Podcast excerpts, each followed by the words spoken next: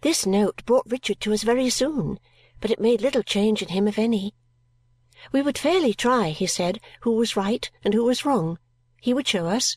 We should see. He was animated and glowing, as if Ada's tenderness had gratified him but I could only hope with a sigh that the letter might have some stronger effect upon his mind on reperusal than it assuredly had then. As they were to remain with us that day and had taken their places to return by the coach next morning, I sought an opportunity of speaking to Mr. Skimpole. Our out of door life easily threw one in my way, and I delicately said that there was a responsibility in encouraging Richard. "Responsibility, my dear Miss Summerson?" he repeated, catching at the word with the pleasantest smile.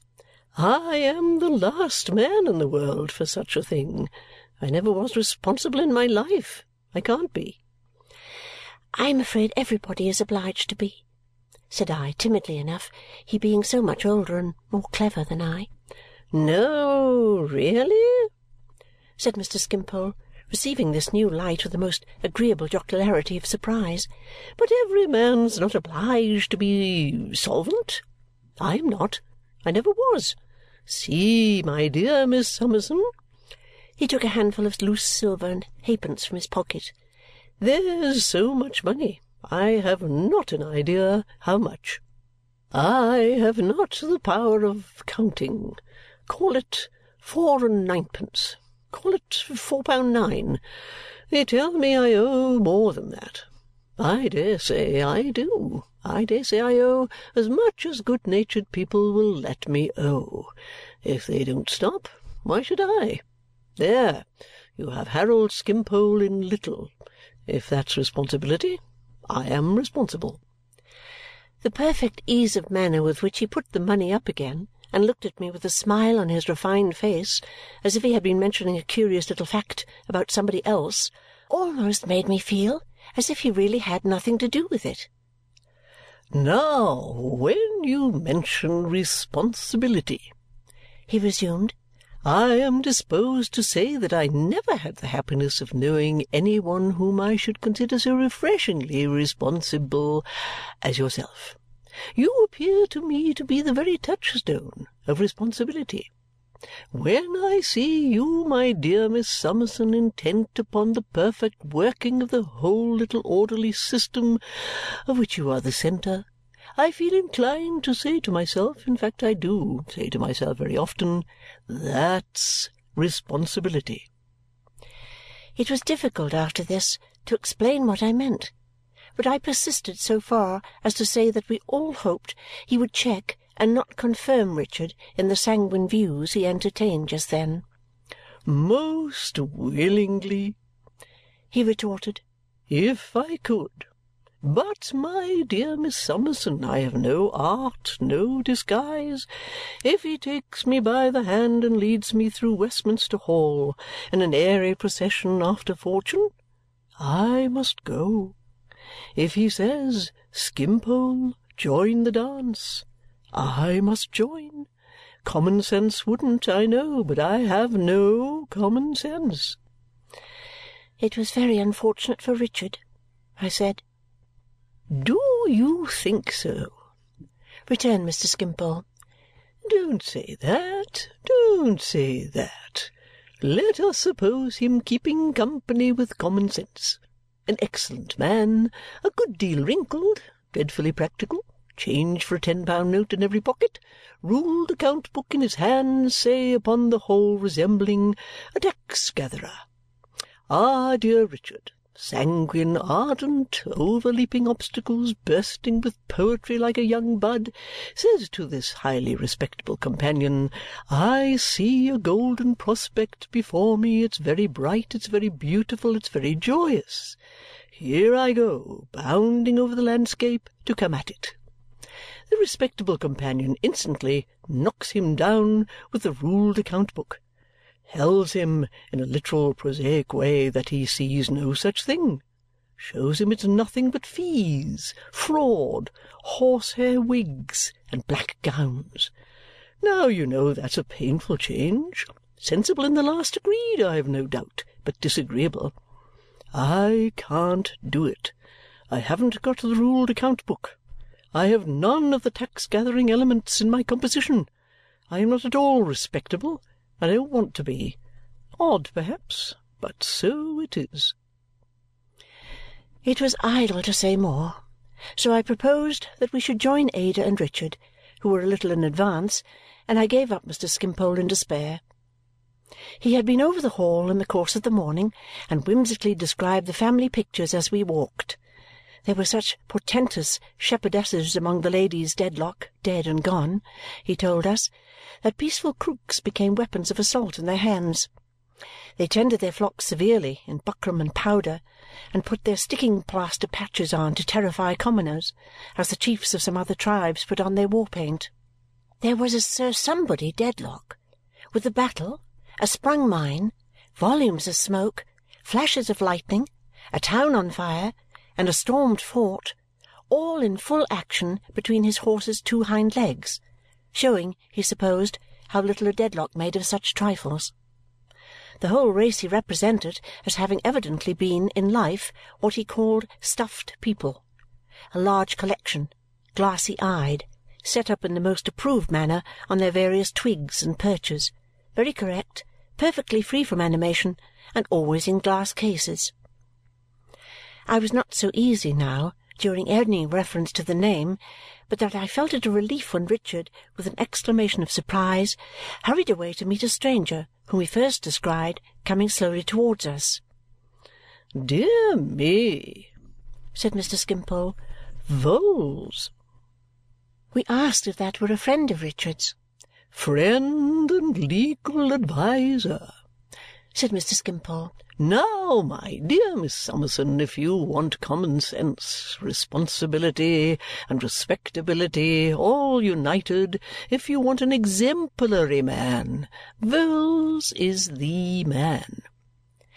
We had not known, we said, that Richard was assisted by any gentleman of that name. "When he emerged from legal infancy returned Mr. Skimpole. "He parted from our conversational friend Kenge and took up, I believe, with Vholes. Indeed, I know he did, because I introduced him to Vholes." "Had you known him long?" asked Ada. "Vholes? My dear Miss Clare, I had had that kind of acquaintance with him which I have had with several gentlemen of his profession. He had done something or other in a very agreeable civil manner taken proceedings, I think is the expression which ended in the proceeding of his taking me. Somebody was so good as to step in and pay the money. Something and fourpence was the amount.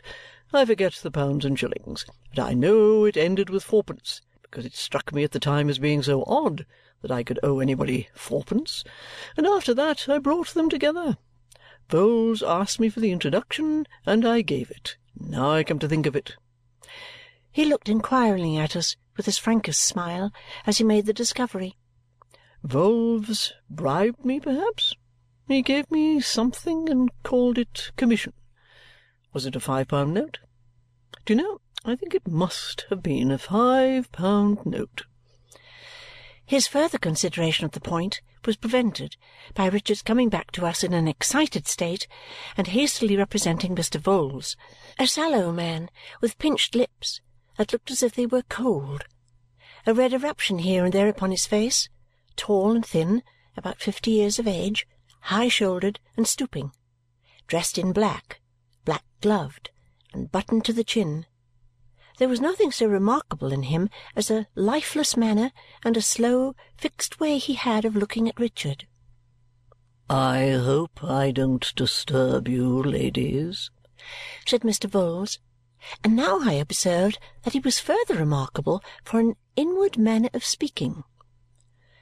I arranged with Mr. Carstone that he should always know when his cause was in the Chancellor's paper, and being informed by one of his clerks last night after post time that it stood rather unexpectedly in the paper for to-morrow, I put myself into the coach early this morning and came down to confer with him.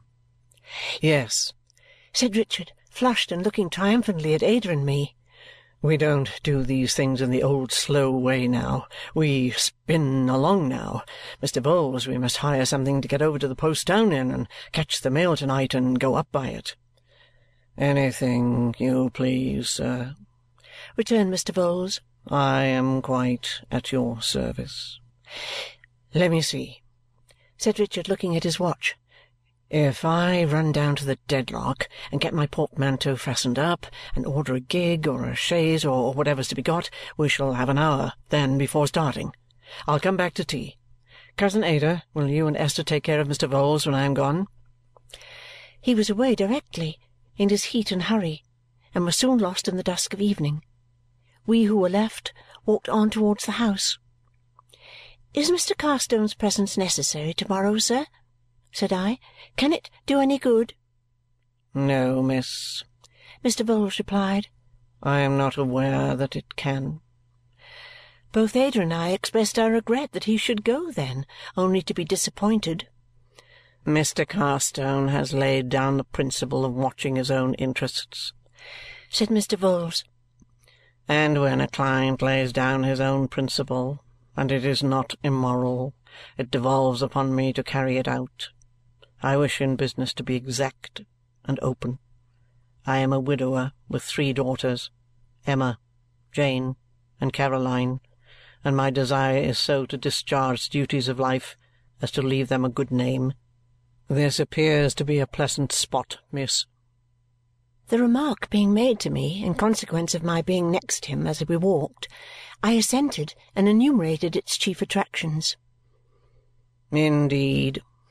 Said Mr. Vholes. "I have the privilege of supporting an aged father in the Vale of Taunton, his native place, and I admire that country very much. I had no idea there was anything so attractive here." To keep up the conversation, I asked Mr. Vholes if he would like to live altogether in the country. "There, miss," said he, "you touch me on a tender string. My health is not good my digestion being much impaired, and if I had only myself to consider, I should take refuge in rural habits, especially as the cares of business have prevented me from ever coming much into contact with general society, and particularly with ladies' society, which I have most wished to mix in. But with my three daughters, Emma, Jane, and Caroline, and my aged father, I cannot afford to be selfish. It is true I have no longer to maintain a dear grandmother, who died in her hundred and second year, but enough remains to render it indispensable that the mill should be always going. It required some attention to hear him on account of his inward speaking and his lifeless manner. "You will excuse my having mentioned my daughters," he said. "They are my weak point.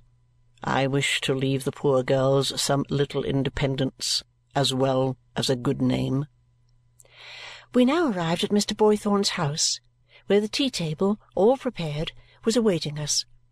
Richard came in restless and hurried shortly afterwards, and leaning over Mr. Vholes's chair, whispered something in his ear. Mr. Vholes replied aloud, or as nearly aloud, I suppose, as he had ever replied to anything. You will drive me, will you, sir? It is all the same to me, sir. Anything you please. I am quite at your service." We understood from what followed that Mr. Skimpole was to be left until the morning to occupy the two places which had been already paid for. As Ada and I were both in low spirits concerning Richard and very sorry so to part with him, we made it as plain as we politely could that we should leave Mr. Skimpole to the Dedlock Arms and retire when the night travellers were gone. Richard's high spirits carrying everything before them, we all went out together to the top of the hill above the village, where he had ordered a gig to wait and where we found a man with a lantern standing at the head of the gaunt pale horse that had been harnessed to it. I never shall forget those two seated side by side in the lantern's light Richard all flush and fire and laughter, with the reins in his hand; Mr. Vholes quite still, black gloved and buttoned up, looking at him as if he were looking at his prey and charming it. I have before me the whole picture of the warm dark night, the summer lightning, the dusty track of road closed in by hedgerows and high trees, the gaunt pale horse with its ears pricked up, and the driving away at speed to Jarndyce and Jarndyce. My dear girl told me that night how Richard's being thereafter prosperous or ruined, befriended or deserted, could only make this difference to her that the more he needed love from one unchanging heart, the more love that unchanging heart would have to give him. How he thought of her through his present errors, and she would think of him at all times. Never of herself, if she could devote herself to him. Never of her own delights, if she could minister to his. And she kept her word? I look along the road before me, where the distance already shortens and the journey's end is growing visible, and true and good above the dead sea of the Chancery suit and all the ashy fruit it cast ashore, I think I see my darling.